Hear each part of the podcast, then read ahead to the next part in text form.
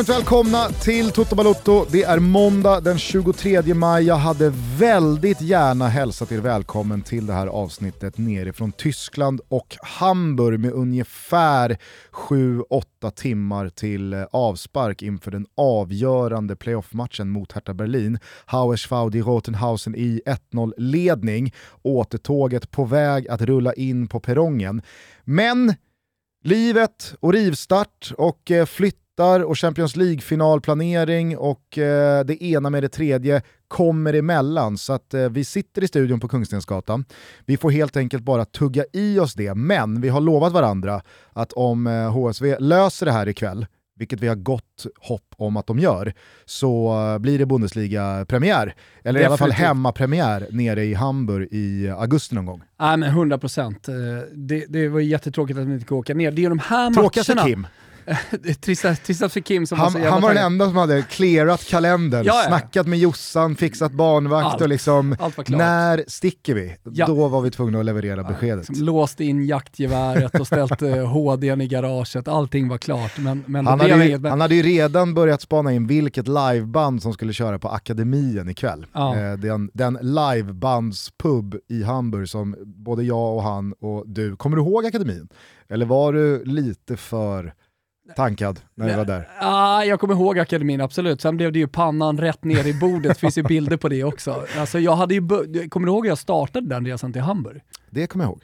I Östersund. Just det. Alltså, jag gick upp 04.30 i Östersund efter att ha jobbat på Östersund mot Arsenal. Just det snorkallt eh, och så vidare. Sen så blev det en ganska sen kväll då, lugn och fin och sådär med de norska kommentatorerna. Var det en antiklimaxkväll får man ju säga? Alltså, nej, inte för mig. Nej, men, alltså, eh, men jag... Eh, alltså, den 16-delsfinalen hade ju byggts upp som att nu ska Östersund chocka liksom, den stora världen. De hade ju gått vidare från en ganska anonym grupp med, hjälp mig nu, Soria Luhansk va?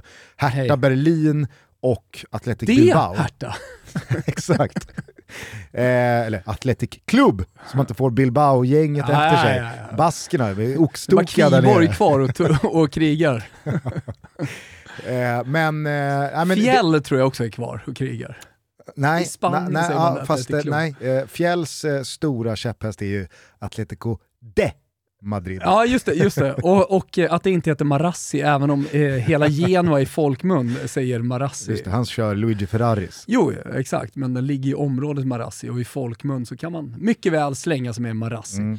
Nej, men det var det jag skulle säga då. Eh, Östersund hade ju verkligen chockat eh, hela fotbollssverige, kanske rent av fotbollsnorden, men hade ju inte nått de stora rubrikerna ute i Europa i och med att man hade då bara inom citationstecken eh, gått vidare från en grupp med ganska så anonyma lag rent paneuropeiskt. Men nu mot Arsenal så skulle man ju liksom göra den där rejäla knallen. Stod det 3-0 till ett ja. liksom, B-betonat Arsenal efter 20 ja. minuter så känner man, där tog det slut. Sen vet jag också att eh, Falkarna heter de va? Det heter ja. väl? Ja. Eh, lite tyngre, tyngre dagar nu i Falkarna. Ja. När de ligger och sladdar i Superettan. Ja, Men eh, Skidskyttestadion finns kvar. Och så. De åkte väl en 5-6 tusen ner till Emirates, besegrade Arsenal i London, eh, även fast eh, man, man inte ska göra för stora nummer av 90 minuters segrar när det handlar om dubbelmöten. Nej. Alltså Inters seger mot Liverpool på Anfield, den är ju liksom ingenting. Den är verkligen ingenting i och med att det var Liverpool som gick vidare.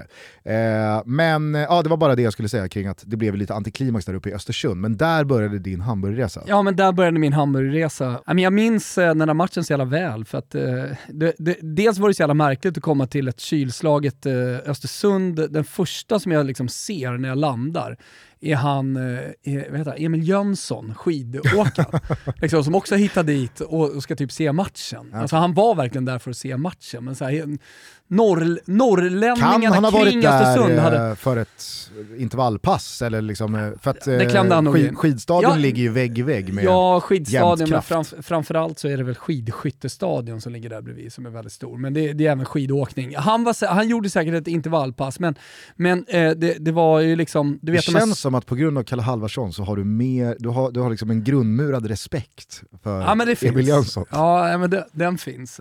Även om det såklart är hädiskt par. Eh, Anna Haag. Anna Haag, mm. exakt. Eh, men, eh, nej, men just du vet när man kommer till de breddgraderna. Varför då? Det? Får klämchecka och sådär. Mycket pulsklockor och grejer. Mm. Eh, men... Eh, alltid, lite, alltid lite dålig vibb på par som tränar ihop. Exakt. Mm. Eh, men, nej, men du vet när man kommer till de breddgraderna på vintern och det har liksom skottats i tre månader och det blir så stora väggar med, med snö mm. bredvid vägarna.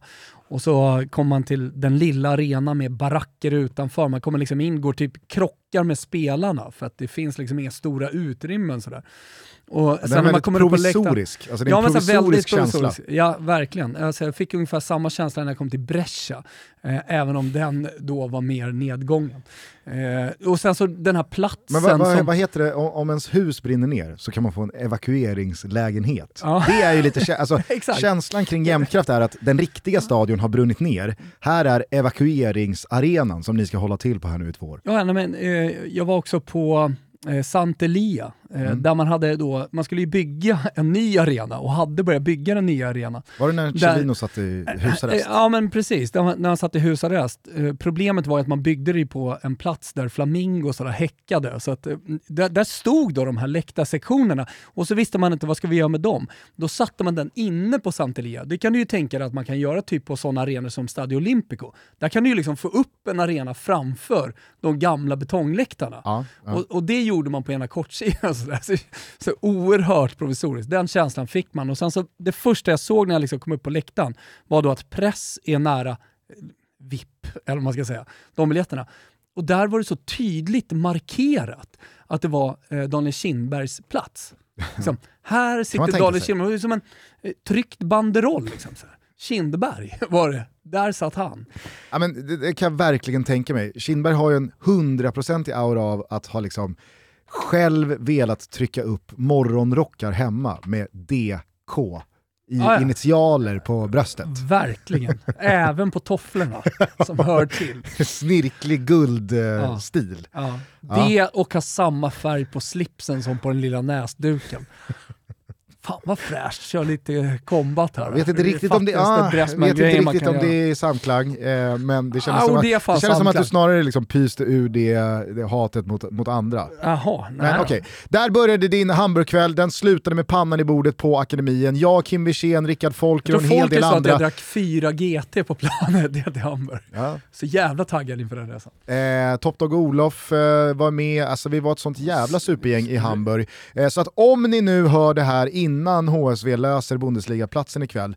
Eller om ni för den eh, sakens skull ska till Hamburg någon gång i era liv, ta sikte på Akademien i närheten av Reeperbahn. Otroligt ställe med ruskig livemusik. Och så säger vi inte mer än så om eh, Bundesliga-kvalet för att eh, vi har gjort upp en liten plan här för kommande dryga Toto-veckan.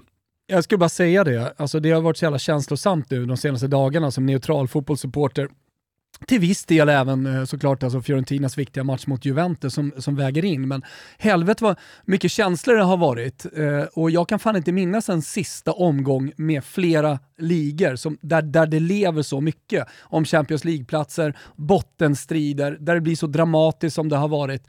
Eh, Men framförallt titlarna. Typ, Ja, och sen framförallt att det dessutom då finns titlar som ska delas ut under den sista omgången. Och nu blev ju matcherna, vi kommer till det, eh, vad det blev, men fan nästa år om man inte bara ska planera in sista omgången att så här, ha det helt öppet i schemat och åka. Det kan ju vara en så här, ja, men ett playoff upp från Serie B, eh, från eh, eh Bundesliga. Alltså bara en välja de heta, en riktig bombmatta och bara försöka liksom åka runt i Europa och göra det här groundhopping-grejen som, som har blivit populärt. Men, men just, just de här, det, det här är ju liksom när fotbollen pikar. Ja. Alltså den senaste veckan, helvete! Jag håller verkligen med dig, det har varit eh, ett otroligt känslopåslag, men jag har försökt eh, liksom resonera kring det i, i mig själv och landat i att det här måste väl vara ett resultat av coronapandemin och hur länge vi höll upp rent yes, publikmässigt. Alltså med fullsatta läktare, med den, den upp uppenbara relationen mellan spelare aktiva och de som finns på läktarna. Mm. Det berövades vi ju i två säsonger.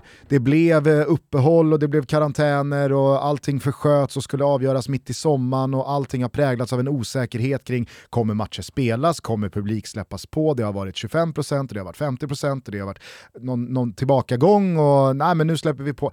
Det här är ju resultatet av att vi faktiskt har ganska många månader i ryggen av 100% läktarkapacitet runt om i, inte bara Sverige, men framförallt här nu i Europa när ligan har gått i mål.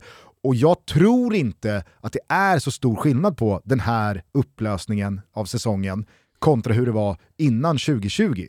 Men det känns som att det har liksom det har, det har fötts på nytt. Det har blivit en, en renässans. Vi, vi, vi var ifrån Såklart. det så länge att allting blir så jävla mycket starkare. Absolut, eh, och sen så ser man då när, när det nya viruset nu kommer in och så börjar man tänka, fan ska de stänga ner igen? Och så inser man att här, de här apkopporna är sexuellt eh, överförbara. Så det är framförallt det som då är, är faran inför sommaren när det ska knullas och gökas eh, mm. i varenda park. Men jag tänker det är bara en arena som eventuellt lever lite farligt där man kan stänga ner kortsidan, det är ju Bayern München. Det, det, hade ju varit någonting ändå när Bundes, Bundes drar igång. Alltså full kapacitet över hela Europa. Men i Bundes är kortsidan vad är, vad stängd är, för att det knullas för mycket och de kan inte hålla sig borta från varandra. Vad är apkoppor på tyska? Eh, apfe?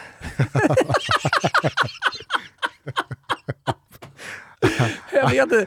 Fan, Apfekopfen. Apfekopfen. Ja, vi får väl se om det blir någonting med det. Men på tal om bombmatte då, eh, det var det jag bollade upp. Jag tänkte att du skulle få dra liksom, eh, menyn som stundar här nu när vi har gjort upp en plan för den kommande dryga veckans Toto Balutto. Eh, det blev som sagt ingen resa till Hamburg. Vi kommer heller inte sätta in ett extra avsnitt imorgon, alldeles oavsett hur det går ikväll, utan vi sparar liksom takedownen av Bundesliga-kvalet med förmodligen och förhoppningsvis en plats i Bundesliga för Hamburg till torsdagens avsnitt då vi dessutom tar ta ner Conference League-finalen mellan Feyenoord och Roma. Vi har dessutom då sällskap av Pontus Jansson. Ponne kommer upp eh, med hela stora ligan för att jobba in ett kuppguld för Malmö på Tele2 senare under torsdagen. Lovat honom att skjutsa honom till den stora samlingen efter. Mm, det är väl alldeles underbart. Ja, eh, och sen då så sätter vi in ett extra tutto på fredag där vi eh, tar ner kuppfinalen men vi blickar givetvis då också framåt mot Champions League-finalen dagen efter på lördag. Vi ska dessutom Sällsynt lite... fint avsnitt. Ja, vi ska dessutom snacka lite Elitloppet mm. på, på söndag. Det är kul när vi vidgar våra vyer och eh, tillåter oss en själva. En gång per år. Ja, en gång om året är det fan Elitloppet. Eh, sen så blir det måndagstoto som vanligt då efter Champions League-finalen där vi stänger ner den internationella klubblagssäsongen. Men sen så blir det då några dagar senare en Premier League-summering tillsammans med oraklet Jesper Hoffman. Eh, Premier League är ju intressemässigt en liga som eh, sticker ut. Eh, inte bara i, i, i eh, andra sammanhang utan även i Toto Valutos lyssnarskara. Och det vill ju vi såklart respektera, samtidigt som vi inte vill göra avkall på vad som skett i Italien här nu i det här avsnittet, på andra ställen, vi vill prata lite Kylian Mbappés nya kontrakt och så vidare. Således så känns det skönt då att veta att vi kommer ta ner Premier League-säsongen i dess helhet, verkligen eh, på, på riktigt tillsammans med Hoffman. Så de som tycker då. att vi pratar för lite Premier League idag, de, Exakt. Det, det, Håll det är till, till dem du, du talar. Håll till godo, då blir det en säsongssummering med oraklet. På tal om eh, att hålla till godo, mm. vill du eh, ha ett svep som du sen kan hålla till godo med? Ja, verkligen. Jag trodde du skulle vända på att nu, nu har vi hållit till godo tillräckligt länge här. Nu vill vi ha vårt svep, ja, för det vill ja. jag också. Ja men härligt. Vi närmar oss eh, verkligen slutskedet på den eh, internationella klubblagssäsongen och eh, då kanske ni tänker Heineken alkoholfri, vad gör de nu? Det är Champions League-final, går de in i en liten dvala här nu? Nej, men nu är det ju tiden för Heineken 00 sannoliken att knäppa upp en iskall och sitta och mysa i eh, hammocken eller på altanen eller var man nu vill sitta. Det är i alla fall sommartipset, eh, den eh, godaste alkoholfria ölen där ute om ni frågar mig. Men slut innebär ju också början på någonting. För om bara några veckor så startar damernas EM. Jajamensan! Och på vår Instagram och tillsammans med Toto5 så kommer vi ha en eh, megatävling och jag kan väl avslöja att det kommer innehålla resa. Det kommer innehålla vippiga inslag. Så håll utkik på vårt Instagram men framförallt knäpp upp en god Heineken 00 och njut av sommarvärmen. Nu kör vi svep! Äntligen! Yes, jag säger äntligen. För det har varit, det kan vi nog alla vara överens om, en mörk, mörk tid för den stora jätten med den stora fotbollshistorien. Ett av världens mest framgångsrika klubblag som försvann från allt som stavas titelstrider och som sedan dess kämpat och satsat men aldrig riktigt lyckats. Men nu äntligen Guggis är det över! Nu kan laget med tröjorna röda som blod och Champions League och ligatitlar i mängder i det där pokalrummet äntligen vända blad.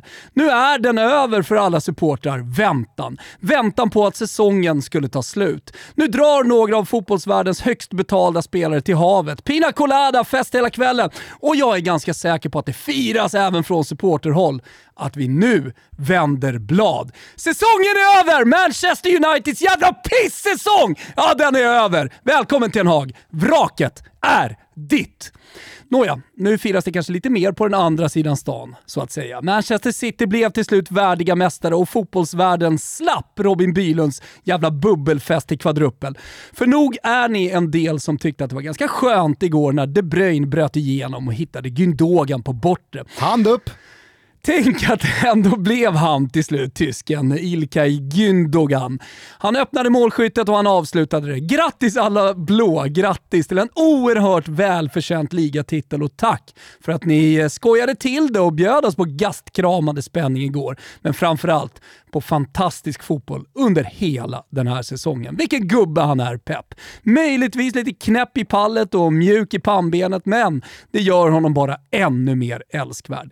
Manchester City står återigen högst upp och nog fan ska de starta som klara favoriter även nästa säsong. 1,72 på ligatiteln i augusti. Vad säger du Gugge? Hålet. I botten klarade sig Leeds kvar och vi skålar för The Old Peacock som ytterligare en säsong får vara det bästa pregame-hänget i världens toppligor. Vi säger tack och hej till Burnley, Watford, Norwich. Saknaden kommer vara enorm. Vi säger också The Champions tillsammans med Dejan Kulusevski och Antonio Conte. Där har vi också ett par prestationer som jag känner väldigt starkt för. Jag pratar om Antonio Contes tränargärning, Dejan Kulusevskis fotboll. Fem baljer och åtta assist summerar en fantastisk vår för svensken som också ska starta nästa säsong med låga odds och då tänker jag på över 10 mål och kanske uppåt 20 assist. Mm. Dejan, han är redo för att ta nästa kliv i karriären. I Frankrike var det dramatiskt värre när Europaplatserna skulle delas ut. Det blev till slut Monaco, Marseille och PSG som tog CL-platserna. Kongo-Kims gamla Rennes skickar vi till Europa League och Nice, jajamensan, det Nice, skriver vi upp som storfavorit till att vinna konferensen nästa sesse. I final mot Fiorentina varför inte? Grattis också till Lyon som blev Champions League-mästare på lördagen. Barcelona som vunnit allt, ja faktiskt allt, vek in Nej, det ska jag inte säga, men det var kul att skriva. Hade inte pannbenet eh, för att vinna Champions League-finalen och eh, återigen i den stora fotbollen blev det tydligt att när de stora titlarna ska vinnas, ja då väger erfarenhet tyngst. Mer om det i Toto 5 imorgon, missa inte det. Sådär ja, vi avslutar svepet med italienskt. Si andiamo in Italia ragazzi e magari un po' in Turchia. Och vilket jävla drama det blev på stöveln hörni. Fiorentina slog Juventus inför ett fullsatt Frank i extas och gör, som ni precis hörde, ritorno in Europa. Konferensen till Florens, Europa League till Rom och resten där i toppen vet ni ju redan om. I botten stod Salernitana för årets koreografi som innehöll musik och det var något i alla fall jag inte kan minnas att jag upplevt tidigare. Pampigt värre, men på planen var det dölefö för hela slanten när han gjorde slarvsynt av ett mentalt utpumpat Salernitana. Men det spelade ju faktiskt ingen roll eftersom Cagliari stod för en episk kollaps i Venedig. 0-0 där, basken av för Venezia och La Grande Fog är ett faktum. Så vad gör vi nu med Davide Nicola? Jag tänker att det bara finns ett uppdrag kvar för honom. Sista bossen liksom. Skicka Nicola till Ukraina, ge han Putin, låt han lösa världsfreden. Mitt förtroende, det är maximalt. Bla bla bla bla bla. Nu så! Minns ni Milans torsk i december 2019 mot Atalanta? Men vi börjar i rätt ände. Pioli, Maldini och Ibrahimovic. Ledarna, symbolerna för scudetton. Maldini, arkitekten vid skrivbordet. Pioli, pappan på bänken. Zlatan, allt det där. Och mästarmentalitet i kvadrat ute på planen och i omklädningsrummet. Non c'è due senza tre. Det är Milans trojka, Milans tridente d'oro. Det vi har fått bevittna sedan januari 2020 har varit det osannolika slutet på resan genom fotbollens Saharaöken. En fallen bortglömd hjälte med ett stolt pokalrum och en stor dåtid, men där och då inte mycket mer. Från ett mentalt dunkel, ett vrak, en vålnad, ett byte att frossa på för de andra. Både som lag och till synes som klubb. För ni minns när 05an trycktes in i den där helvetesdagen i Bergamo. Minns ni det? Zlatan, han kom och skakade om allt med sin blotta närvaro. Det är verkligen inte att säga för mycket, för titta på alla spelares utveckling sedan hans inträde. Ja, man kan faktiskt också nämna interistan som alltid spelar för fel Milanolag. Hakan Calhanoglu, här också. Men jag tänker såklart på Tonali som gick från “är han verkligen så jävla bra?” till en Toto Campo-fältare som trots sin unga ålder leder Milan och snart också Liazzurri. Theo Hernandez var utskrattad, han var den sämre lillebrorsan, men nu är han av världens bästa på sin position. Tomori! Bah! Jag tror halva Storbritannien inte ens vet var han spelar idag. Men lyssna på mig, han är en av världens tio bästa mittbackar här idag. La Bandiera Calabria, det finns inslag av allt här. Leao, Leao Ki, Valpi, Loj och ojämn. Nu en garanti, en mästare. För mig har han ingenting att avunda spelare som Vinicius Junior och så vidare. Mike Menjan, vem minns ens Gigio Donnarumma? Frank Kessie, provinsspelare som aldrig skulle nå hela vägen. Visst var det så vi sa den där dagen i Bergamo? Det går att fortsätta. Problemet när allas förväntningar var att Milan skulle snubbla, att de inte skulle räcka till, var den stora underskattningen av nyss nämnda spelare och några till. De här grabbarna blev inte mästare igår, de föddes till mästare. Inte bara La Madonnina, men hela jävla stöven ryms nu i den här scudetton. För nu står hela Italien på knä framför Milan igen. I Campione d'Italia siete voi. Rossoneri, Acci Milan, chapeau. Och när alla trodde han var slut, då kom larmet. Fem baljer, minst ett episkt, 18 totalt i den turkiska superligan. Vilken italienare tar honom i sommar? Jag vet inte, jag vet ingenting. Jo, jag vet en sak. Jag älskar honom villkorslöst. Svetten rinner, hjärtat gör frivolter, det styvnar, det hårdnar, det bultar och bankar i brallan. När jag ser Super Mario Balotelli! Går ju faktiskt att argumentera för att det var något slags Pushkas Awards mål vi såg igår. Ja men han avslutar med Rabonan. Rabonan? Rabonan! Ja. Man är lite omtecknad efter ett svep. Ja, jag förstår det. Nej, men eh, för er som inte fattar vad Thomas eh, refererar till här så var det även ligavslutning i turkiska Superliga igår.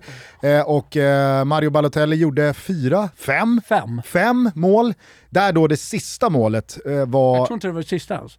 Ah, Okej, okay. men ett av dem i alla fall ja. är när han tar sig in i straffområdet, han bränner av 12 De Nilsson överstegsfinter, Eh, gör liksom inte jättebort. Man ser ju inte det så jävla ofta. Nej. Eh, och, och det, det, är inte speciellt, eh, vad ska jag säga, det är inte speciellt effektivt heller. Nej, normalt sett så blir man ju bara liksom, ja, men försvararen tar bollen. Men eh, han går ner vänster och eh, när man tänker att ja, här blir Alltså överstegsfinterna lite... i det här målet är ju egentligen helt onödiga. Ja, han får inte bort försvararen liksom, att oj, där försvann du och köpte Han går ju förbi försvararen för att han är kraftfull. Ja, han hade kunnat gå förbi försvararen utan, utan en enda överstegsfint. Men när han då inleder med 12 överstegsfinter i ganska bra tempo, för att sen då vrida Ronaldo över... Ronaldo har på, hållit på på det där sättet och, och jävlat. Men De Nilsson kanske framförallt. Absolut. Det var ju han som liksom höll på i en evighet mot stillastående försvarare som bara liksom, när kommer rycket? Ja. När kommer ditt move?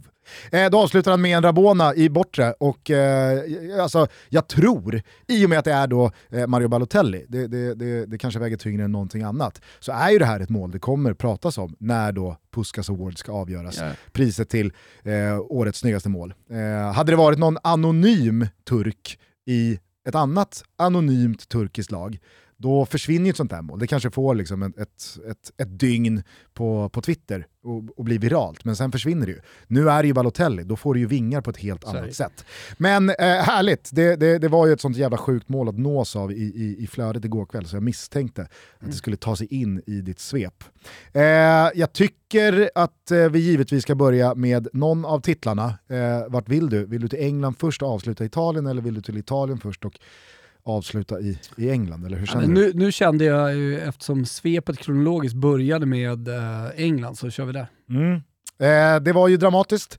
Jag jobbade ju parallellt med Premier League-upplösningen, så att, eh, även fast jag liksom självklart följde hur allting gick eh, via resultattappar och eh, i, i, i realtid, så eh, åkte jag hem igår efter eh, säsongsavslutningen av Fotbollssöndag Europa. Tack till alla som har kollat och tack till alla som har jobbat med eh, hela långa säsongen. Jävla fin sista sändning blev det. Eh, men då åkte jag hem, eh, satte på en kopp kaffe, körde jag hela eh, Viasat-sändning och såg eh, Premier League gå i mål också. Mm. I och med att de kör ju då eh, fortfarande Premier League. De, det är de enda som har självförtroendet kvar i att Mm. alla spelar samtidigt. Ja, Men Eh, jag noterade sista också, att, jag noterade också att eh, vår gode vän Bojan eh, är, verkar tro att hela världen tycker att Pep är en dålig tränare. Ah, kanske inte hela världen verkar tro att han är en dålig tränare, men det är inte jättemånga som, som kanske tänker, ja men vi borde se vad Pep kan göra i Burnley. Det är väl ingen som vill se Pep Guardiola i Burnley? Nej, jag tror inte det. Men men, eh, det, vi, vi, vi behöver inte fastna där. Det jag menar är i alla fall att eh, på senare tid, och det är väl också ett resultat av coronan,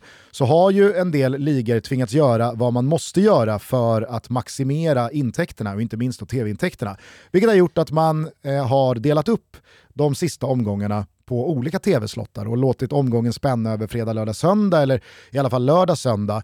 Eh, och, och det har jag varit helt okej med, för att det är ju väldigt många matcher som man vill se i avslutningen men som man kanske inte riktigt kan se på samma sätt när alla matcher spelas samtidigt. Och så länge de matcherna inte påverkar varandra så är det helt okej med mig att man delar upp det. Jag vet inte vad du känner. Jag kan ju tycka av rent nostalgiska, fotbollsromantiska eh, skäl att sista omgången ska spelas samtidigt alla lag. Men som i då Serie A's fall till exempel, så var det ändå lite härligt att bottenstriden avgjordes 21, eh, titeln avgjordes eh, 18, Europa Dan, dagen innan var på lördagen, Roma kunde göra sitt på fredagen i och med att de ska spela Conference League-final.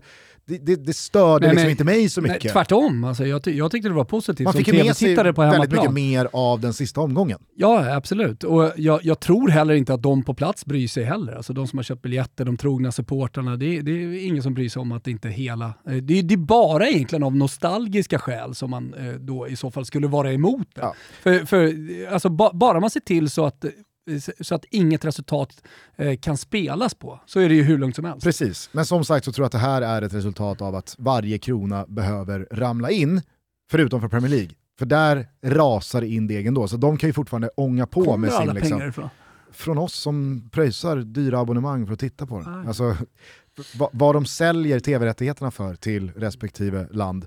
Eh, så Om- de, de kör ju på och det blir tio matcher, således så är det ju väldigt mycket som man ville vara med på. Det, det var spännande i botten, det var spännande kring Europaplatserna, men framförallt så var det ju spännande i titelstriden. Eh, således så fick jag skjuta på Salernitanas match till i morse, såg den. Eh, Salernitana-Udinese 07.00 måndag. Det var, men, men du nämner ju koreografin här. Ja. Otrolig. Ja, och du fan- noterade det, jag säger också att de hade, de hade pampig filmmusik eftersom det var eh, en film eh, eh, Ja, ska, vi, ska vi kanske förklara lite snabbt eh, tifot? För Nej, det var ju men- nytt. Jag har inte sett liksom en rullande duk med då ögonblicksstillbilder från varje decennium i klubbens historia. Nej. Och så var det då två kameror, still, stilla såklart, från varsitt som håll som, som visade att kolla nu är, det, nu är det en film över Salernitanas mäktiga historia. De började väl 1919 tror jag. Mm. Och så var det en ögonblicksbild per decennium och det här rullades ner då i en lodrätt filmrulle. Det var otroligt att följa. Det stora jävla bekymret var ju dock att matchen gick igång när de var på 60-talet. Så man satt och så här, nu, inkast, Jaha, det är 60-talet. inkast, bildproducent, lägg ut, var är de nu någonstans Det var också så här man hade den här pampiga filmmusiken, men Serie A kunde ju, kunde, skulle få in sin jävla vignett däremellan. Så jag tänkte, jaha nu var filmmusiken, nu var tifot över, nu, nu ska liksom matchen dra igång. Det var ju samma sak Men- igår på titelprisceremonin för Milan, Ja. på Mapei. Ja. Då körde de också igång vignetten till varje spelare som skulle ut. Ja. De loopade ju den där jävla vignetten 35 gånger. Nej men, eh, och, ja, men så körde de där, sen kom den igång igen och sen så fortsatte det. Men eh, det, var, det, det blev ju också mäktigt för man förstod hur, hur stort det där var för alla supportrar på läktarna eftersom eh, hela jävla arenan stod typ och storbölade när den här film, filmrullen åkte ner till den här. Men jag, jag kan tänka mig att eh, som ett modernt grepp om det hade hänt i Sverige så skulle klubbens eh, tifoseria fått skit om de hade använt eh, arenans PA-system för att spela musik samtidigt som tifot. Typ som när Bayern gjorde, gjorde det här mäktiga rodd-tifot och, och båten åkte, om de då hade haft eh, musik till det som hade passat så kan jag tänka mig att, liksom att det hade varit så här, eh, vad fan håller ni på med? Så här. Det, det där var ju lökigt. Framförallt från konkurrerande klubbars Ja, jag, jag, jag menar ju det, alla, alla Okej, bajare ja. hade säkert älskat Men det hade ju blivit en snackis och det, framförallt så hade det blivit så här, fan töntigt. Jag är helt övertygad om det. Men i Italien så är ju sådana grejer inte lökiga. Nej. Utan det, det, och, jag menar, man brukar prata om att kunna bära upp kläder och saker. Alltså så här, italienarna kan ju bära upp den där dramatiska filmmusiken ihop med det där tifot. Det är strålkastarljus, det är mörkt runt hela Reki för det är sent på kvällen. Man, man vet att deras liv står på spel, de ska spela 90 minuter.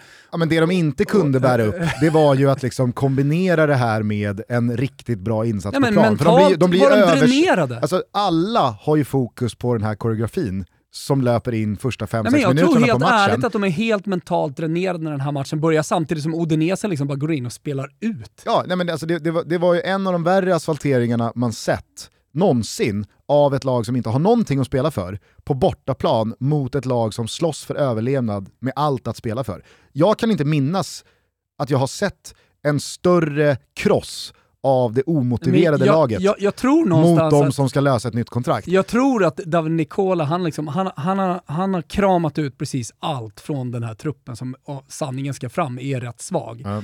Eh, så, så att så här, hade vi... Hade vi ska fram. nej, Sabatini ska ju ha också det, jävla... det var lite så här att eh, Pep och Burnley i, om sanningen ska fram, jag, jag är med på det. Men hade man spelat tio omgångar nu så hade ju Salernitana torskat tio. Ja, ja. De, de är slut, Ja. det är över. Är det. Men eh, som du eh, berättade om eh, här i svepet så fick de ju oväntad hjälp då av Venezia, eller kanske framförallt då av Cagliari som inte lyckades få hål på Venezia. Ja, Så att ja jag tycker också att Venezia ändå. står upp eh, under hela den här matchen, vilket hedrar dem. Ja, äh, jag, jag, jag följde inte Venezia, Nej, men, Cagliari, eh, eh, jag, jag såg den det inte. Gjorde, Men, de- det gjorde de.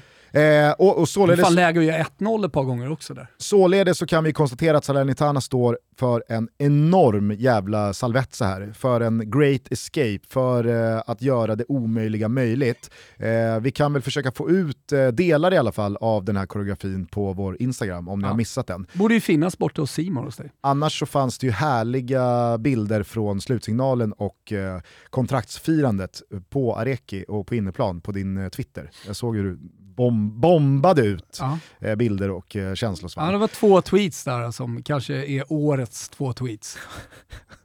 Galen jävla summering av vad hela Italien är egentligen. Vi är sponsrade av Joel. Eh, de har funnits sedan 2015 och vad är de då? Jo, det är måltider. Jag kommer tillbaka till dem alldeles strax. Men det har sålts 200 miljoner måltider i världen och över 10 miljoner i Sverige. Så vissa av er har säkert eh, redan eh, fått upp ögonen för denna nyttiga, praktiska och näringskompletta mat.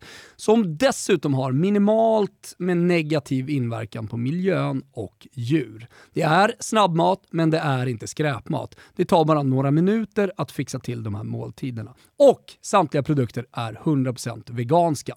Black Edition är någonting de har. Vad är nu detta? Jo, det är slags pulver som man häller i en shaker och eh, sen skakar man om den. Det är växtbaserat, glutenfritt, laktosfritt, hög proteinhalt, låg sockerhalt, naturligt sötad, komplett måltid är vad det är. Med alla nödvändiga vitaminer och mineraler. Den innehåller till exempel lika mycket protein som sex ägg, mer C-vitamin än en apelsin och mer omega-3 än en laxfilé. Det är såklart, och det har ni förstått, naturliga ingredienser. Ärtor, ris, linfrön, tapioka, solroskärnor, kokosnöt. Det är toppen för sådana som mig som tränar mycket och behöver det här höga proteininnehållet. Som inte det vore nog så är det lågt glykemiskt index också. 19. Energin släpps långsamt ut och du håller dig mätt länge. När ni går in på ul.com thomas så medföljer en t-shirt och en shaker. Sa jag förresten att det var gratis eh, frakt? Ja, men då säger jag det nu. Det är också gratis frakt. Vi säger stort tack till eh, Joel för att ni är med och möjliggör Toto Balotto. Tillsammans med Swedish Match och stiftelsen Håll Sverige Rent eh, så vill vi lyfta informationskampanjen som just nu rullar om att förbrukade snusprillor ja, de hör hemma i papperskorgen och ingen annanstans. Sen jag fick den här kampanjen i mitt knä och eh, jag började göra mig själv medveten om eh, problemet med att det ligger prillor precis överallt på husväggar och ute och i toaletter och så vidare. Eh, så började jag ändra på mig och Det var kanske den enklaste livsförändringen som jag har gjort någonsin. Kika in på Tack för att du slänger snuset i soporna.nu. Där får man mer information om hur vi snusare tillsammans kan minska nedskräpningen. Och det är faktiskt ordentligt. Snuset det ska ligga i soporna, ingen annanstans. Vi skulle ju till England, hamnade på Areki, men nu kan vi i alla fall stänga bottenstriden i Serie A. Vi tar oss tillbaka till England, jag vet inte. Jo, jag tror att jag berättade om hur jag då eh, ja, avslutade din, min din, söndag. Ja, liksom, just, just. För, för, att jag prioriterade då avslutningen av Premier League, tio matcher, det var mycket som stod på spel, det var tio matcher samtidigt. Äh, det var en jävla kväll att eh, också vara med på, så jag ville se allting från start till mål. Eh, och jag blev ju inte besviken, för att jag var ju helt inställd på att eh, det här givetvis skulle sluta med en City-titel, men att det skulle sluta med en City-titel på det allra mest väntade sättet. Alltså dramatiken, jag, jag, jag kanske hade liksom kunnat tänka mig en tidig Liverpool-ledning och att City skulle, ifall nu Robin Olsen skulle göra en sån svensk landskampsinsats och bara spika igen ett tag, att det skulle kunna dröja en liten bit, att Liverpool ändå var liksom, att Liverpool hade hugg en kvart, 20 minuter i första halvlek. Men att det med 70 minuter spelade på klockan, 75 minuter spelade på klockan, ska stå 2-0 till Aston Villa, samtidigt som Liverpool inte leder mot Wolves. Alltså, jag hade, jag hade inte gett det som troligt eh, en gång på 500, Nej. ifall någon hade sagt det till mig två timmar innan avspark. Nej. Uh, ja, men när, innan City gjorde 2-1, kanske också vid uh, reduceringen, så, så uh, var jag ganska övertygad om att det, det, här blir ett episkt invik. Alltså det, det här men är någonting vi kommer ett, komma ihåg. Och kanske aldrig, alltså det hade skadat Pep Guardiola så jävla mycket om det hade hänt. Att jag är fan osäker på om han hade kunnat fortsätta. Alltså. Nästan på den nivån, han hade, även om han hade kunnat, men han hade inte velat.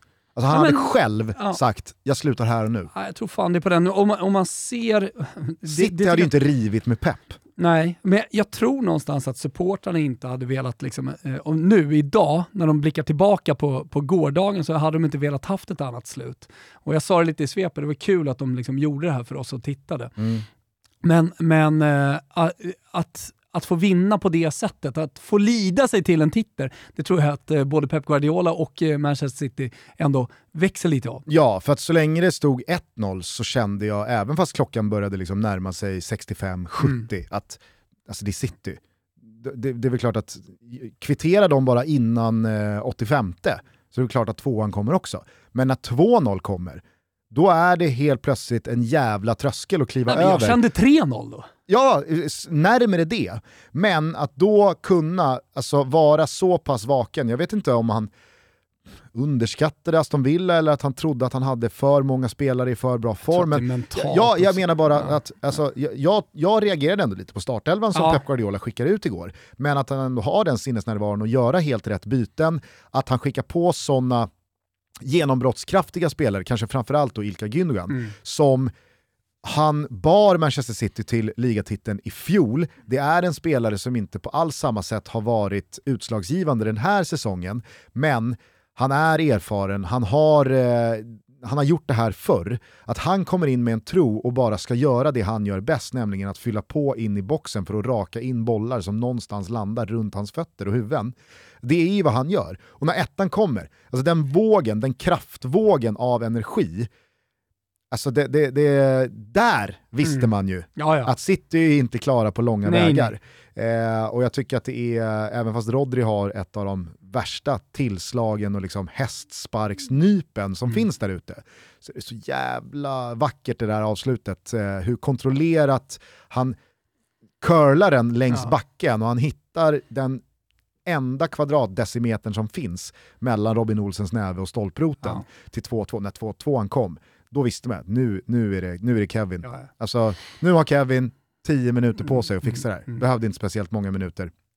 Utan eh, han, han regisserar ju upp det där målet eh, som Gündogan slår in från nära håll. Och City kan, som du var inne på även i svepet, titulera sig än en gång mästare. Fjärde titeln på fem år med Pep Guardiola. Man vinner välförtjänt, för hur man än vrider och vänder på saker och ting. Vinner man en serie efter 38 omgångar, då är man värdiga mästare. Och jag tycker att eh, Manchester City verkligen, verkligen imponerar med hur man löser det här och syr ihop säcken efter det uttåget Mm. mot Real Madrid i förlängningen. Ja, men det, det, det är ju jättehärligt med alla känslor som vi pratar om. eh, Alltså allt från Salernitana, bottenstrider, vi kommer till Leeds eh, och, och sådär.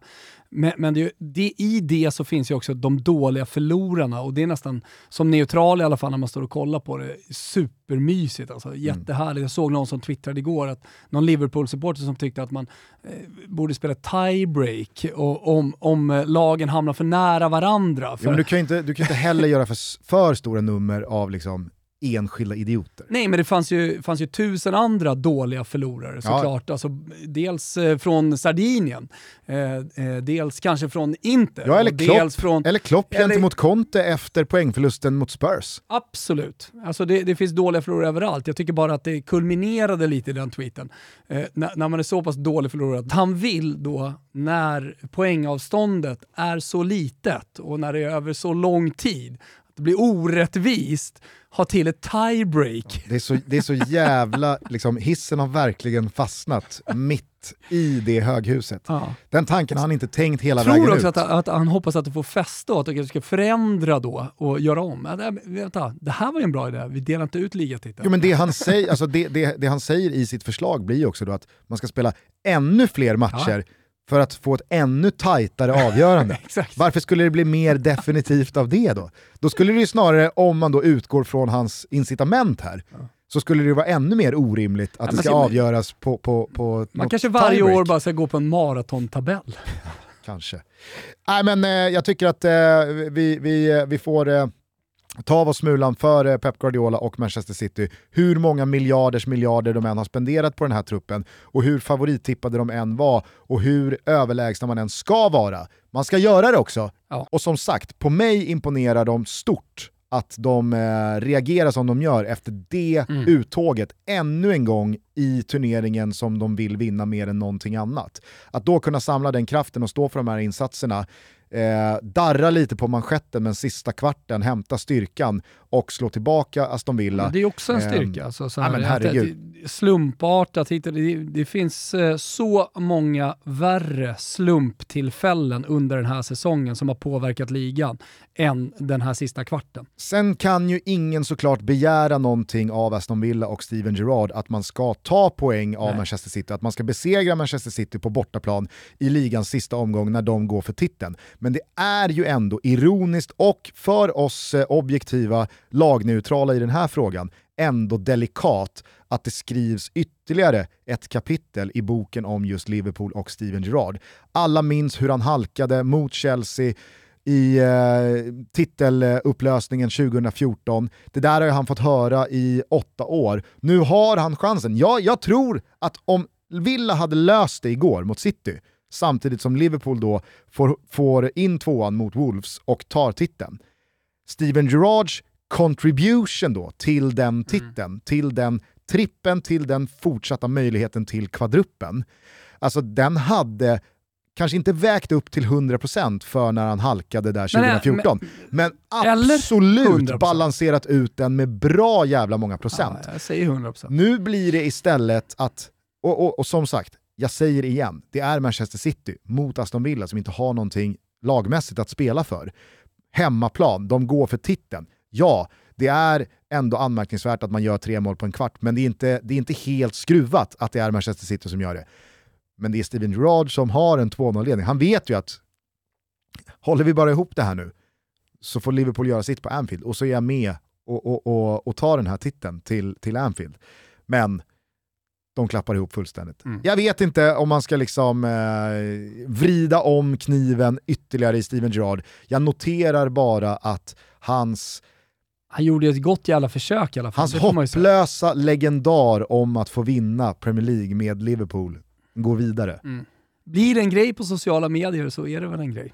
Och det blev det. Ja, så är det väl.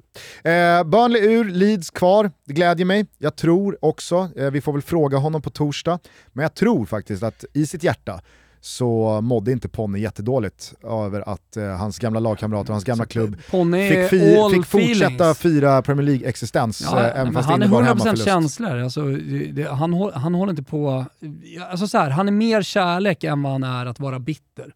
Och eh, han eh, pratade ju om det inför den här matchen också, att han skulle eh, må dåligt om det är så att eh, han, han är med och hjälper till att sparka ut Leeds. Så att, jag, jag är ganska övertygad om när jag såg bilden också när han gick med sin dotter på, eh, på planen efter, vilken fantastisk säsong för övrigt både han och Brentford gör. Mm. Men eh, att, att han, han var nöjd med det resultatet. Ja, ja verkligen. Eh, och jag tycker också att eh, Leeds ska ha en eloge för att man mm. pallade sparka Bielsa trots mm. hans legendarstatus i Annars klubben. Annars hade de inte varit kvar. Nej, och får in Jesse Marsh, även fast de hängde mot repen här sista omgångarna, mm. så fick man till en förändring i tid, vilket gör att det här löser sig och det blir väldigt tydligt eh, eftersom det är Burnley då som åker ur, att de väntade för länge mm. med att doja Sean Dyche. För att han hade ju jag, jag, jag, är för dålig på att jämföra legendarstatus, Bielsa i Leeds och Daesh i Burnley, men Sean Daesh hade ju varit oerhört länge i Burnley och det blir ju väldigt svårt att eh, skiljas från en sån manager så länge man är i Premier League och man aldrig kan begära mer än så. Men det här ägarskiftet som jag lärde mig ganska mycket om eh, genom Niva eh, i, i studiosändningen här igår, är jävligt fishy och det har jag, jag har inte satt mig in i det överhuvudtaget.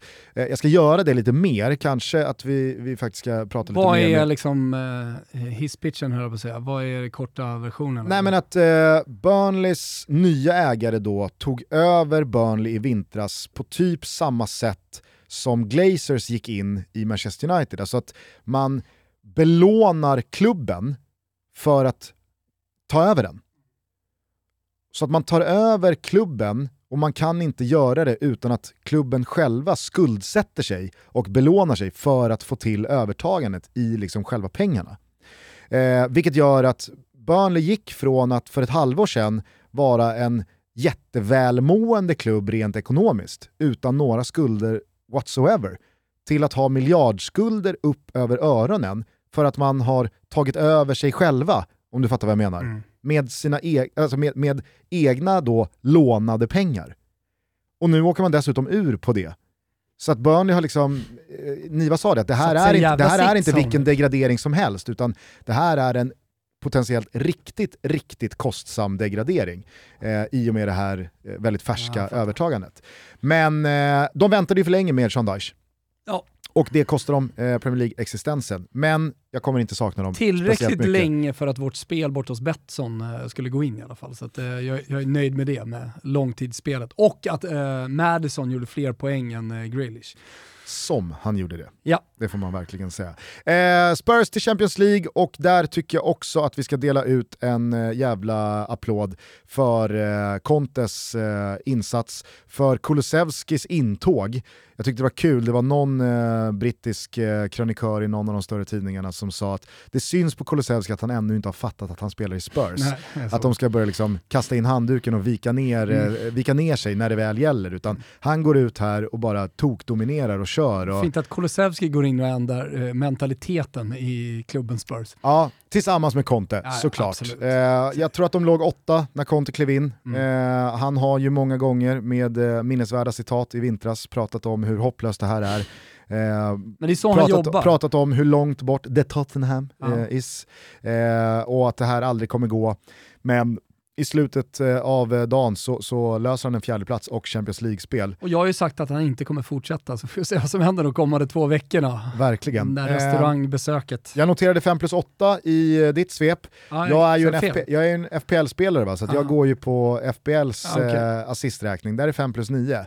Jag knackade lite på min kalkylator här också i och med att han har gjort 1259 minuter i Premier League sedan han anslöt, vilket gör att han har gjort poäng lite drygt var 89 minut. Snyggt. Alltså minst en poäng per match. Eh, och det är ju otroliga siffror. Mm. Jag menar, kolla på hur många högavlönade världsspelare som inte är uppe i samma siffror eh, i den här ligan. Eh, dessutom är han ung, dessutom har han aldrig spelat engelsk fotboll förut. Man brukar prata om att det är en jävla omställning att eh, gå till England och spela Premier League-fotboll.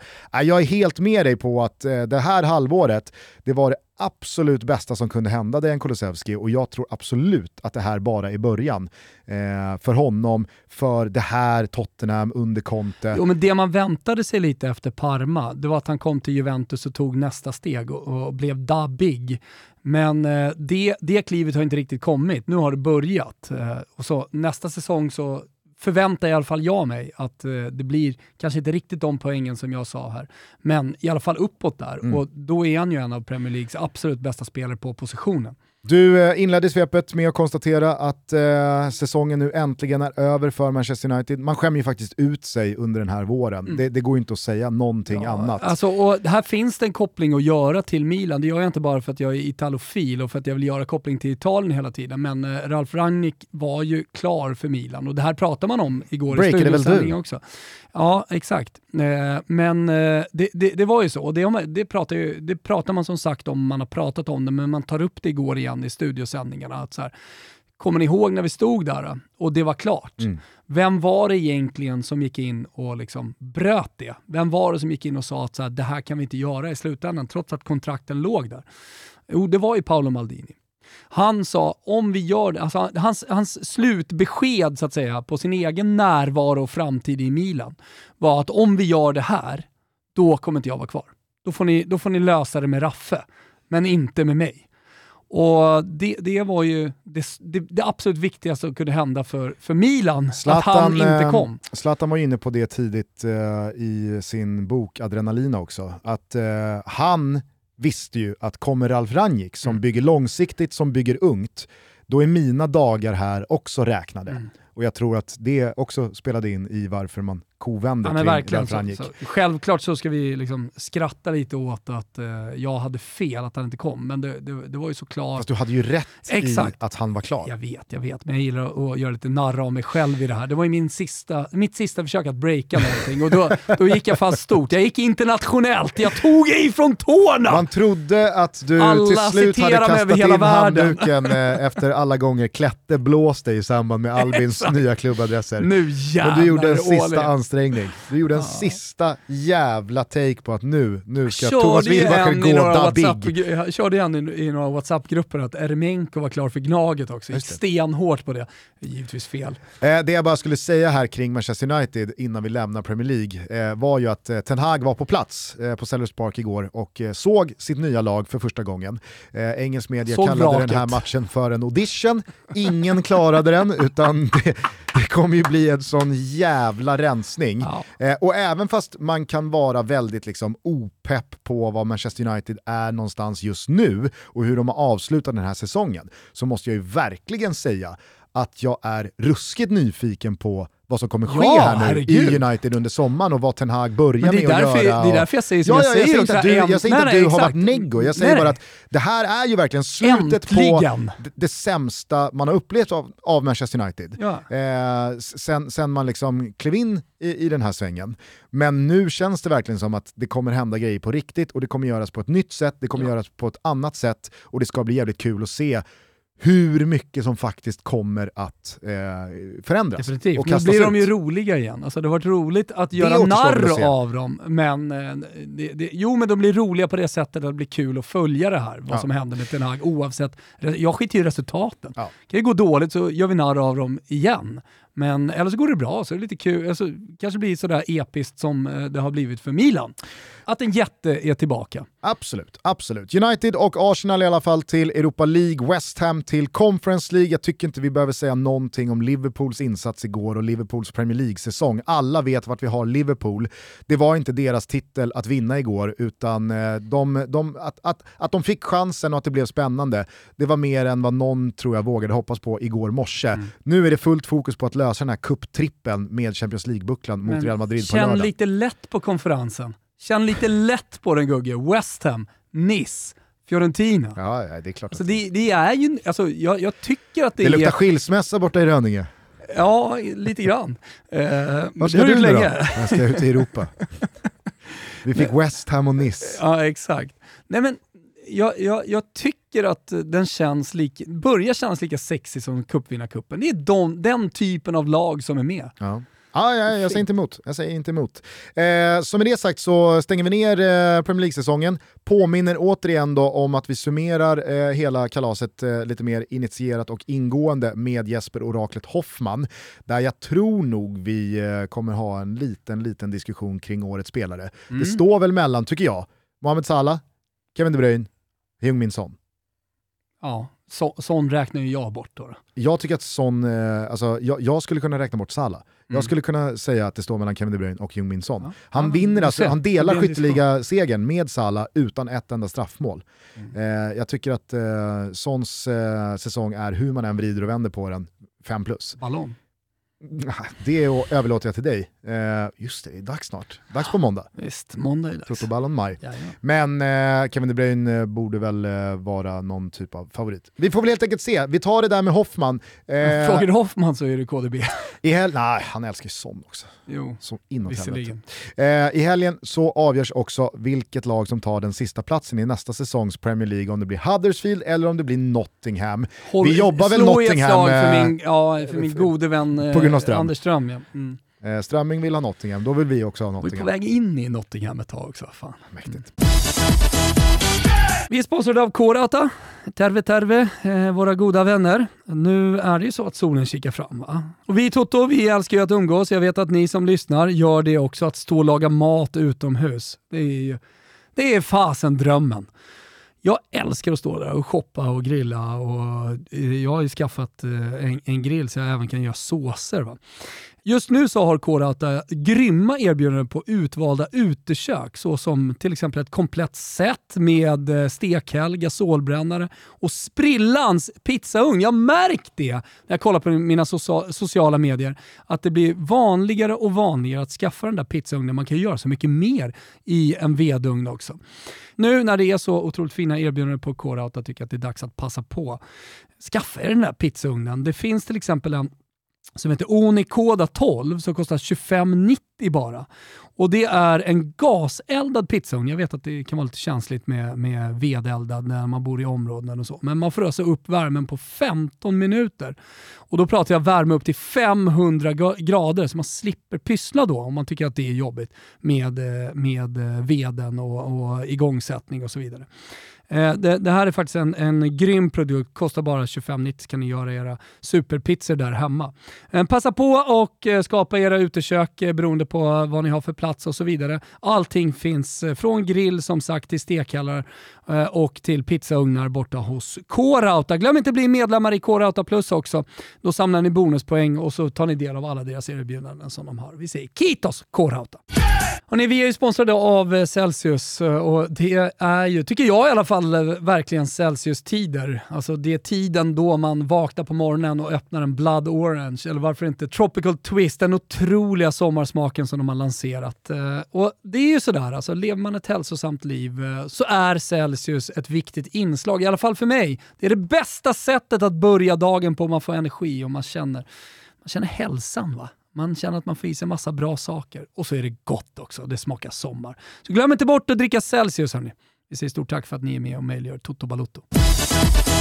Eh, ja, med det sagt eh, så stänger vi ner England, vi stänger ner Premier League, vi tar oss till Italien, vi tar oss till Serie A, vi tar oss till Scudetto-striden. Jag tycker inte vi behöver säga så mycket om det som hände där bakom. Eh, Napoli och Juventus klara för Champions League sedan länge. Ja. Juventus gör ju en mini-Manchester United här mm. under våren. Och skämmer ut sig lite i dels och hur... Och där ska liksom, det också hända jättemycket. Du har sett Di Maria, Pogba exakt, och så vidare. i hur klubben krackelerar lite sportsligt med Dybala mm. och med eh, ledningen. Mm. Det kommer hända många grejer in, men eh, man blir också av med väldigt bärande spelare. Man går titellösa för första gången på en evighet. Napoli, det är svårt att säga någonting om att en tredje plats för Napoli är underkänt. Inte men, om du flå, men med tanke på hur man inledde den här säsongen med 31 av 33 poäng möjliga, eh, man hade Osimhen i vad det såg ut som då, ett mer friskt slag. Sen kom ju den där okbensskadan och så började turerna med att han var out och han var in och han var out. Eh, Insigne och Mertens mot De Laurentiis. Äh, det, det, det, var väl ändå ganska logiskt att Napoli till slut föll ifrån här. Eh, Lazio kommer före Roma i tabellen men båda lagen till Europa League. Jag tror dock att väldigt många Lazio-supportrar hade bytt säsong med Roma. Att ta en sjätteplats, asfaltera stadsrivalen i vårderbyt, men på det spela en europeisk cupfinal möjligt. Jag, jag känner lite lätt på den bara. Nej, ja, ja, men lite lätt Sarri, på Sarri var ju ute och svingade lite, såg du det? Det känns väldigt bra att komma ja, före eh, ett lag som har spelat så oerhört bra med så oerhört skicklig tränare. Ja, jag eh, och som har spenderat så oerhört mycket pengar. Det känns väldigt bra att komma före dem i tabellen. det, är här, det är bra sagt och det är, det är stringent, det är, det är väldigt liksom så här lagom. Ja. Eh, det, det, är verkligen inte att... Det är liksom, delikat. Det är, jag, delikat. jag, tycker, jag tycker det är perfekt av uh, Maurizio Sarri. Men Romas sjätteplats är ju enkom ett resultat av att man är i Tirana på onsdag. Mm. Alltså, där har ju fokus skiftat. Champions League men sen, sen, samtidigt är jag lite imponerad av Lazio som ändå löser den där femteplatsen och som Verkligen. år ut och år in håller sig där med, med det gamla upplägget att ha en president som Claudio Lotito. De börjar bli färre och färre. Fler ja. och fler fonder kommer in i den italienska fotbollen. Och det rykten om, ja, men, du har sett Genoa har gjort ägarbyte och det blir utländska ägare på mer eller mindre var, var, varenda klubb. Amerikanare i Venezia, eh, amerikanare, visserligen italo-amerikanare i Florens. Mm. Eh, Cagliari går mot ett klubbyte, Giolini som också är det, presidentissimo som, som, eh, som rattar klubben. Lazio, de ångar på med Lotito, det finns en jävla charm i det tycker jag. Ja, verkligen. Absolut. Eh, Fiorentina tar ju konferensplatsen som du var inne på, noterade också, hajade till. Eh, Fiorentina näst bäst på hemmaplan mm. i Serie A den här säsongen. Yeah. Det, det säger en del om eh, att det går att lägga liksom... Eh... Bomben nell'aria, e Firenze caricava bomben nell'aria. Det är klart det är tryck ja, när Fio kör. Eh, innan bara vi tar scudetton och går i mål, fan nu kommer vi inte hinna med killen Mbappé. Skitsamma! Eh, Atalanta 8. Är det liksom, eh, var, var det bubblan som sprack Definitivt. Men jag är alltid tidig i att liksom, eh, eh, sia om de här sakerna. Jag tror att jag var inför förra säsongen, jag sa att nu, nu spricker den här bubblan. Eh, jag, jag, tror ju att de liksom är eh, topp 10, alltså på den vänstra kolumnen eh, fortsatt. Och de kommer säkerligen göra bra säsonger och bra värvningar för att de har så, så pass stabil ledning. Jag tror att det är där man måste kolla. Vad, vad har de för sportchef? Och Sartori är ju erkänt skicklig. Han har gjort det med Kevo hela vägen. Men han har försvunnit nu. Men har försvunnit nu, jag, jag vet. Men jag, jag, tror ändå med den stabila ledningen, med det de ändå har byggt upp, så länge Gasperini är kvar och, tyck, och är motiverad så tror jag att de kan fortsätta hålla sig på den vänstra kolumnen. Och sen så något år kanske gå till Europa, något år inte gå till Europa. Däremot den dagen Gasperini försvinner och man ska försöka hitta nytt med fan vet jag, Di Francesco eller, eller någon som spelar en liknande fotboll. Eh, som, kanske? Som, eh, ja, supervärvning, alltså det, det, det kanske skulle funka i och för sig. Men jag tror att det, är, det, det blir det delikata bytet, kommer det här att funka verkligen? Mm. Eller ska man liksom hamna 16 och sen så ska man börja eh, ransaka sig själva och se om man börjar göra massa klubbyten och sånt där. Det, det tror jag inte riktigt de har råd med. Men så länge Gasperini är kvar och så länge de är motiverade så, så kan det nog eh, fortsätta. Vi får väl helt enkelt se var Atalanta tar vägen. Det vi i alla fall vet är att Milan återigen är ligamästare. Man tar sin 19 Serie A-titel totalt, kvitterar i och med det Inters 19 som näst mesta mästare bakom Juventus. Man är mästare för första gången sedan 2011 och Zlatan infriade sitt löfte som eh, väldigt många bara fnös och skrattade åt när han kom tillbaka från USA, stämplade in på Milanello och sa “Jag lovar att jag inte kommer lägga av förrän jag har tagit en titel med den här klubben”.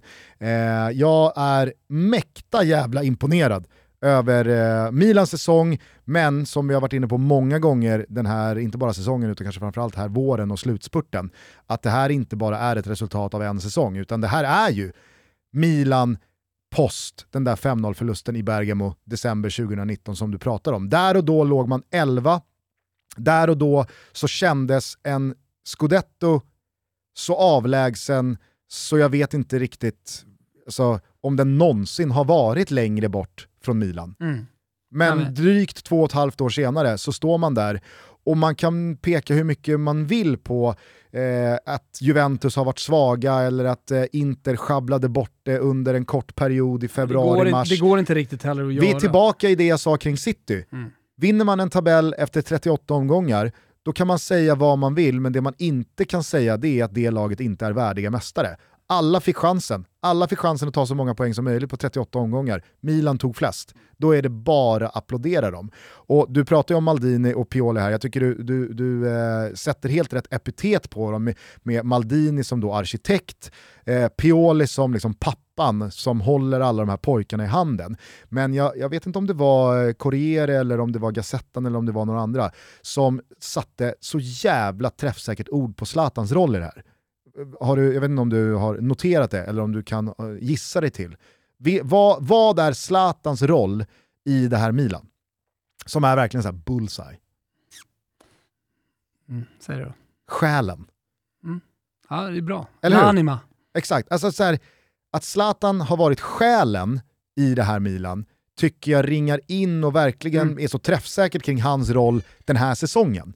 För det är ju en väldigt skadad Zlatan som fram till igår hade gjort 89 Serie A-minuter sedan i januari. Och under de här inhoppen så har det inte varit speciellt utslagsgivande, förutom assisten till Tonali borta mot Lazio, som absolut inte ska underskattas. Som absolut inte ska underskattas. Å andra sidan så hade, så hade alltså, ja, minus, de, minus säsongen... de två poängen så hade de ju vunnit ändå. Ja, ja, men sen säger du ju också att uh, det, det, det, är en serie med 38 omgångar och allting ja, ska ju såklart ja, vägas in. Ja, men jag ska bara säga det.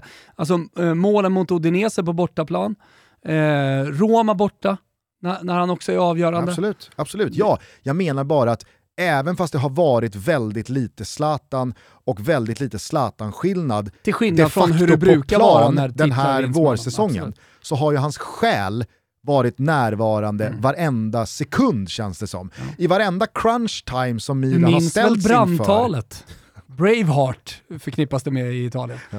Såg det i morse. Ja. Man jo. pratade om eh, det där brandtalet. Men eh, så, alltså, jag, jag, tycker att det är så jävla eh, on point att kalla Braveheart. Zlatan för själen i det här Milan. Och jag tycker att vi kan eh, spela upp hur det lät eh, i Milano sent igår kväll när han eh, greppade micken och talade till supportrarna. Oh!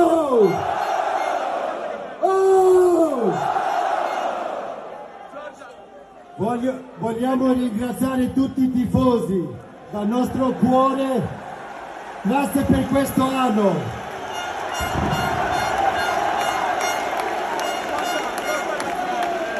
Senza di voi non era possibile. Ho una cosa da dire. Mi sentite? Milano non è Milan, Italia è Milan! Grazie! Forza Milan sempre! Jag är taggad där. Mm. Eh, när han pratar om att eh, Milano är inte Milan. Nej. Italien mm. är Milan. Mm. Och att, jag är eh, inne lite på det i, i svepet här också. Att, att eh, allt ryms ner i den här scudetton. Ja. För det finns inget mäktigare än att bli uh, italienska mästare i fotboll i Italien. Nej, och han plussar ju supportrarna väldigt mycket att utan er så hade vi aldrig klarat det här. Och jag tror att det inte heller ska underskattas, supportrarnas roll i det här. För det är ytterst få i detta Milan, alltså rena sportsliga organisationen som vet hur det är att verka i Grande Milan. En scudetto-jagande, en scudetto-segrande Milan-organisation. Det är Maldini, det är Zlatan, men sen är det ju också supporterna. De var med då. Verkligen. De var med på 80-talet och på 90-talet Nej. och på 00-talet. Så de vet ju vad det här handlar om. Och det, jag vet inte, jag, jag, jag tycker men att alltså, liksom de- supporternas roll i just Milans titel Definitivt. ska verkligen inte underskattas. Med tanke på hur det har sett ut de senaste veckorna, vilka nummer de har rest och med vilket jävla tryck de har sjungit och vilken övertygelse de har haft. Nej, det var, jag sa det också i studion igår, att jag tyckte det också syntes lite på inneplan. Mm. Det var inte det här hysteriska, euforiska, Nej, var, once in a lägga, lifetime. det var lägga liksom sig på mattan och Utan det var såhär, vi, vi är Milan. Alltså, okej, vi, har, vi har vunnit, den- den, må vara oväntad den här ligatiteln. Ja, jag köper det, men vi har varit här förr. Exakt, Ja. men vi har lyft den här bucklan 18 gånger förut. Vi, vi är näst mesta europeiska Mm. kuppmästare. Alltså, take a fucking bow. Alltså du, vi är Milan. du såg när Kurva Sol kom och rensade upp? jag, jag, Alltså, jag, jag, är- tänk, jag tänkte inte på det där och då, alltså. men jag såg, såg jag såg dina tweets om det och tyckte Nej, det men var det är väldigt otroligt kul. när man rusning på plan och folk bara liksom, liksom som myror som bara flyter bort så här. Man undrar vad är det som händer? Och alla på inneplan är ju så att säga julgranar. Alltså de har, de har Milan-grejer liksom överallt. Det är halsdukar på armar. Och, Julgranar är fan att ta i. Alltså de, de hade fan Milan-grejer överallt. Det var mössor och hattar och allt möjligt. Så, så, så kommer det liksom tio svartklädda helt plötsligt in på planen. Då fattar man ju vad det handlar om. De vill ha ut, eh, de vill ha ut eh, spelarna på Det är planen. de svartklädda eller Och man vet ju också att det är någon, det är någon från ledningen i Paolo Maldinis grupp som bara mässar. Hörni, rensar ni upp eh, i inneplan? Whatsapp-meddelande bara. Ja. vi löser detta. det är antingen svartklätt Någon eller, åkte ju på så jävla örfil också, någon julgran. Det var lite kul tycker jag. det, finns ju, det finns ju två outfits för liksom, Top-Dogs-gubbarna. Ja, Det är antingen svartklätt, ja, eller så är det barkaka och fiskehatt. exakt. Barkaka, fiskehatt, solbriller. Ja. Det är också, men- det är lite mer de svartklädda lake, de svartkläddas lakejer. Ja. Eh, ja, jävligt Byxor roligt. med fickor på låren. Men eh, jag, jag, eh, jag, jag, jag vet inte vad jag, vad jag mer kan säga om Milan och Nej, men- hur imponerad jag är Ja, men, av dem en- som lag och klubb att lösa det här. Nej, men jag tycker bara, bara en sak som jag tycker är helt viktig liksom, att återigen förtydliga, eller förtydliga, men, men, men att verkligen liksom slå fast att det, det här är alltså det yngsta laget som har vunnit, eller yngsta truppen som har vunnit scudetton under modern tid och då pratar vi trepoängssystemet. Så under väldigt, väldigt lång tid. Alltså det är ett lag med en, det är en trupp med en snittålder på 26 år. Och 97 Men det, men det är fortfarande ett Men- lag som har eh, två anfallare som tillsammans mäter över Exakt. 75 år. Eh, Som tillsammans mäter över 75 år. Men, men hur man, kan, man brukar prata om truppsammansättning, att man behöver lite erfarenhet, man behöver lite ungt och lite mittemellan. Man brukar prata om liksom golden age någonstans vid 28 och framåt, att man spelar sin bästa fotboll för då har man fått erfarenhet. Man är fortfarande fysiskt eh, riktigt bra skick, kanske i sin, sin, sina bästa år rent fysiskt. Eh, men, men här är liksom ett gäng ungtuppar som inte är där. Nej. Och sen så, så, som fortfarande har sina bästa stunder på fotbollsplanen kan man tänka sig, kanske inte alla men många, eh, kvar att uppleva. Och då föredettingar som definitivt inte ska eh, spela eller ska spela sin bästa fotboll. Ja, men det är så Och många spelare i funkar. Milan. Och det, det, är det, eh, men det, det är det jag tänker att så här, den här scudetton är. Den har öppnat en era. Eh, det, det, det har öppnat en era för Milan där man kommer vara med och slåss om ligatitlar och på sikt tror jag också med Paolo Maldini vid rodret, om det blir Pioli eller om det blir någon annan och vad Zlatan tar vägen vet jag inte. Men Paolo Maldini är garantin. Truppens ålder är garantin för att Milan bara kommer fortsätta. Det är flera spelare som jag tycker inte, som jag sa i svepet också, Leao har ingenting att avundas andra på den positionen. Vinicius Junior mässade med några polare igår som bara skrev att fan jag tycker han är bättre än Vinicius Junior. Alltså så här, jag, jag, han, han är annorlunda. Framförallt så tillhör han ju skaran av Milan-spelare med så oerhört branta utvecklingskurvor att man ser ju heller inte att ja, det här är något slags tak. Men, men tar du Tonali- Grealish eller Leao? Ja men är du med? Alltså, det är på den, alltså, eller hur? För jag, jag tänkte så här, nu nämnde han ju inte Vinicius. Nej, eh, exakt. För du kanske tar Ta Vinicius. fortfarande Vinicius. Nej men han är Vibena. Han Vibene. spelar med har Vibena.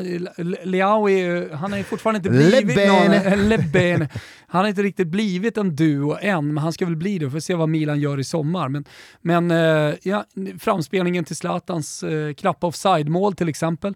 Ja, men, och, och, och post nu killen Mbappés kontraktsförlängning i PSG och att Haaland redan är klar för City så har det ju omgående Alltså så har ju Leao stigit på den där shortlisten ganska så markant vad gäller Men Real nyligen Madrids... förlängt va? Jo men tror du Florentino Perez efter Nej nej, jag Haaland- säger bara, jag bara säger på tal om priset. Jag Ja. menar om man har nyligen förlängt så är det liksom, ja, då är det ett eh, ännu högre pris. Jo, absolut. Men Florentino Perez kommer ju inte liksom, han, han kommer inte kika på reahyllan. Såklart han inte kommer göra det. Utan, eh, men å andra sidan så utgår han från vänster, det gör Vinicius Junior också. Absolut, men då får man ju, liksom, då får man ju lösa det. Så är det. får man lösa det. Ja. Eh, jag skulle bara säga det att jag tycker att Leao, kanske mer än någon annan, ah, nej, fan man ska väl ändå nämna Sandro Tonali där med samma liksom branta utvecklingskurva. Att jag ser inte heller att... Tomori. Ja, jag ser inte, ja, men jag ska nämna, alltså Leao, Tonali, Tomori, Menjan, Theo Hernandez har väl förvisso liksom han har ju exploderat lite mer upp och ner över en längre tid, men jag tror verkligen inte Theo Hernandez har slagit i något tak, att det kommer aldrig bli bättre än så här. Utan det är väldigt många spelare i det här Milan som jag tror bara kommer bli ännu bättre. Exakt. Eh, och det, det, det känns är någonstans som spännande. jag skulle vilja liksom avsluta hela den här scudetton med. Att det, det här, det här, Kalulu. det här är, ja exakt, Kalulu som kommer från ingenstans. Alltså Frank Kessie ska ju säljas här nu, eller han går väl gratis. Eh, men, men det var också en spelare... Eller? Så, ja, vi får se. Men det var också en, ni, ni drog jävligt stora växlar på hans minspel när han gick in på inneplanen. Nej, men, stora växlar, det är väl just Jo, det där... men det var, det var jävligt stora växlar. Jo men alltså då var vi uppe i uh, gubbe 21 som vandrade ut där, en minut per, per spelare. Ja. Någonting måste man ju krama ja, ut trasan. Visserligen. Då, då får man ju spela på att Å andra hur är sidan det så att att jag vinna kollar en, på den hur italienska är det att sändningen vinna en parallellt, titel de med har ett inga lag problem. som man vet att eh, man ska lämna. Jag För det vet. vet man ju kring Det finns väl Frank hur mycket som helst att säga om eh, Frankesi och hans framtid. Japp. Eh, Men han, han har också växt. Jag, jag tyckte det var lite kul att nämna Hakan Calhanoglu här i, i, i samma mening. Noterar att du också- har eh, lagt dig till med det stumma G i Chalanoglu, Ja, men du kör fortfarande Gündogan. Där ska det också vara Gündogan. Ah, okej. Ja, det får jag fan skärpa mig på. Det har varit mycket uttalssnack på Twitter på slutet också. Ek, ja, jag såg att du körde till och med en videobeef tvungen med någon snubbe visst. som menar på att Leipzig är fel. Ja, att, det ska, att det ska vara Leipzig. Ja. Men eh, det beror ju på helt var det kommer ifrån. Inte i Graz. Nej, exakt. Men, eh, eh, nej, men så, så många av de här spelarna som ansågs vara floppvärvningar eh, och som man skrattade åt och tänkte vad ska det hända? Zlatan en av dem.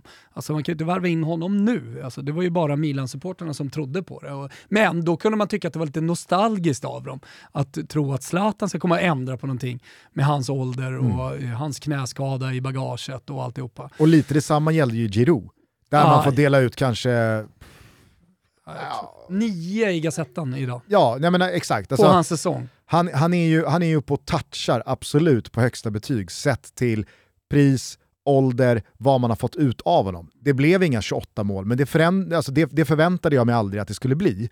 Hade han gått mållös igår och det hade slutat med att Milan brände titeln så hade man absolut kunnat peka på att Olivier Giroud gjort för få mål här nu sista två månaderna. Eh, att han inte levererade när det betydde som mest. Men när det slutar med att man faktiskt tar den här titeln och att han i den avgörande matchen dessutom gör två mål, ja, men då tycker jag att han, han knyter ihop den här säcken och ger sig själv ett jävligt, jävligt högt betyg och han fortsätter ju bygga vidare på den enorma karriär han har skaffat sig. Det är ju det mest underskattade CVt vi fan har där ute. Han har liksom en mot alla odds och eh, oväntad ligatitel med Montpellier i eh, Frankrike, pre-PSG blev PSG. Han eh, firade stora framgångar, inte minst kuppmässigt med Arsenal, gjorde en massa mål där. Var ju aldrig liksom tycker jag, ifrågasatt som en, som en stor spelare där, men aldrig riktigt den största. Går till Chelsea, man tänker att det ska klinga av. Ja, vad gör han? Han gör sina mål, han vinner Europa League, han vinner Champions League. Alltså, parallellt med det så löser han ett VM-guld med Frankrike. Och nu kliver han vidare till Milan och är enormt bidragande till att Milan vinner en jävligt, jävligt oväntad eh, ligatitel. På ja. det gör han vadå? 11 plus 5 Mm. eller något. 10 delas ut till en person i Milan. Och det är väl Pioli. Ja. Eh, och sen så är det 9,5 med stora bilder, sen finns det 9,5 med små bilder. 9,5 med stora bilder, Leao och Tonali. Och sen 9,5 med små bilder till Mike Magnan, Men, Magnan, Magnan, Mike Magnan och Theo Hernandez. Eh, och sen 9 då till Giroud, Kalulu, tänkte jag att man sitter här och pratar om eh, Kalulu, och Tomori. Ja. Så eh, det, tycker jag, det tycker jag stämmer ganska bra. Och sen åttor till Kessie Ibrahimovic. alltså, eh, även fast jag aldrig, Själen eh, även fast jag liksom- aldrig har gillat honom så kan jag ändå tycka att det är lite orättvist mot Calabria att han inte ens får en åtta. Vänta, Det kan jag tycka vänta, vänta, vänta, vänta, vänta. Det är snålt. Det är möjligt att han får det här nämligen. Jag missade 8,5. Ah, Jag missade 8,5. Fan bra betyg på Calabria sett till alla Ja. andra. Perfekt. Ensam på 8,5. Det är, alltså, den Vilka, stämmer ju så men väl. vilka proffs det är som eh, Nej, alltså- bemästrar de här Nej, halvskalorna nej, nej, det till Alltså, perfektion. Det här är perfektion att dela ut betyg. Ensam på Se och 8,5 lär. Calabria. Se och lär, Sverige. Verkligen. Det kommer de aldrig göra. Det krävs decennier av eh, betygssättande för att nå dit i den 8,5 på Calabria. Avslutningsvis då så måste vi givetvis fokusera lite på om det här var eller inte var Zlatans sista stund som professionell fotbollsspelare. Det gladde mig oerhört att eh, Ali Reza krigade in en intervju med Zlatan från eh, Mapei eh, där han eh, ja, men dels pratar om eh, vad det här betydde för honom, att han infriade det där löftet han gav till eh, supportrarna när han kom. Men eh, på frågan då om eh, det nu är slut så sa han vi får se, det finns mycket tid jag måste känna efter min fysiska status. Är den okej? så var inte det här det sista jag gjorde. Nej. Det är ju vad Zlatan de facto har kommunicerat, både via Det är Ali det Reza man- och övrig media. Ja. Och det tror jag på, för jag tror att Zlatan själv känner att det jag har visat under det här senaste halvåret, det är vad jag har kunnat, men det är absolut inte max av potentialen jag Han fortfarande säger i besitter. italiensk media att han ska op- eventuellt operera sig också. Och han har pratat om, eh, det nämnde han igår också, att snart kommer jag prata, snart kommer Mm. alla få veta vad jag egentligen har gått igenom den här våren. Jag tror att han har mått väldigt dåligt över Mino Raiola, eh, jag tror att det kan finnas andra saker också. Skadan kanske var värre än vad vi vet. Det enda man vet är ju att eh, Zlatan sitter inne på det mest vattentäta entourage som finns Så i fotbollsvärlden. Det är inga, ingenting läcker. Ingenting läcker Nada. från Zlatans innersta cirkel. Eh, men eh, så att vi får väl helt enkelt vänta och se. Det jag däremot tycker var lite snyggt och lite roligt att så spekulera kring var ju att han ett, behöll matchbollen, det var han jävligt tydlig med att inte släppa ifrån sig efter slutsignalen. Å andra sidan, det är hans scudetto tycker han, så att eh, han ska ha Absolut, bollen ja också. självklart. Men som Adam Pintorp eller Vicky sa i studion, det är inte jättemånga gånger man har sett Zlatan jaga en Nej, men det här matchboll var också förut. speciellt. Det var också speciellt. Det snyggaste tecknet i alla fall, eller eh, ledtråden till vad det nu slutar med, var ju den här cigarren eftersom han väldigt länge har pratat om och svarat på frågan vad han ska göra efter karriären, att han ska sitta på en parkbänk och Fast röka det svarade cigarr. han ju också på. Absolut, jag säger att det bara- var en hyllning till Mino Raiola som gillar Ja, att röka det sa cigarrer. han ju liksom efteråt. Ja.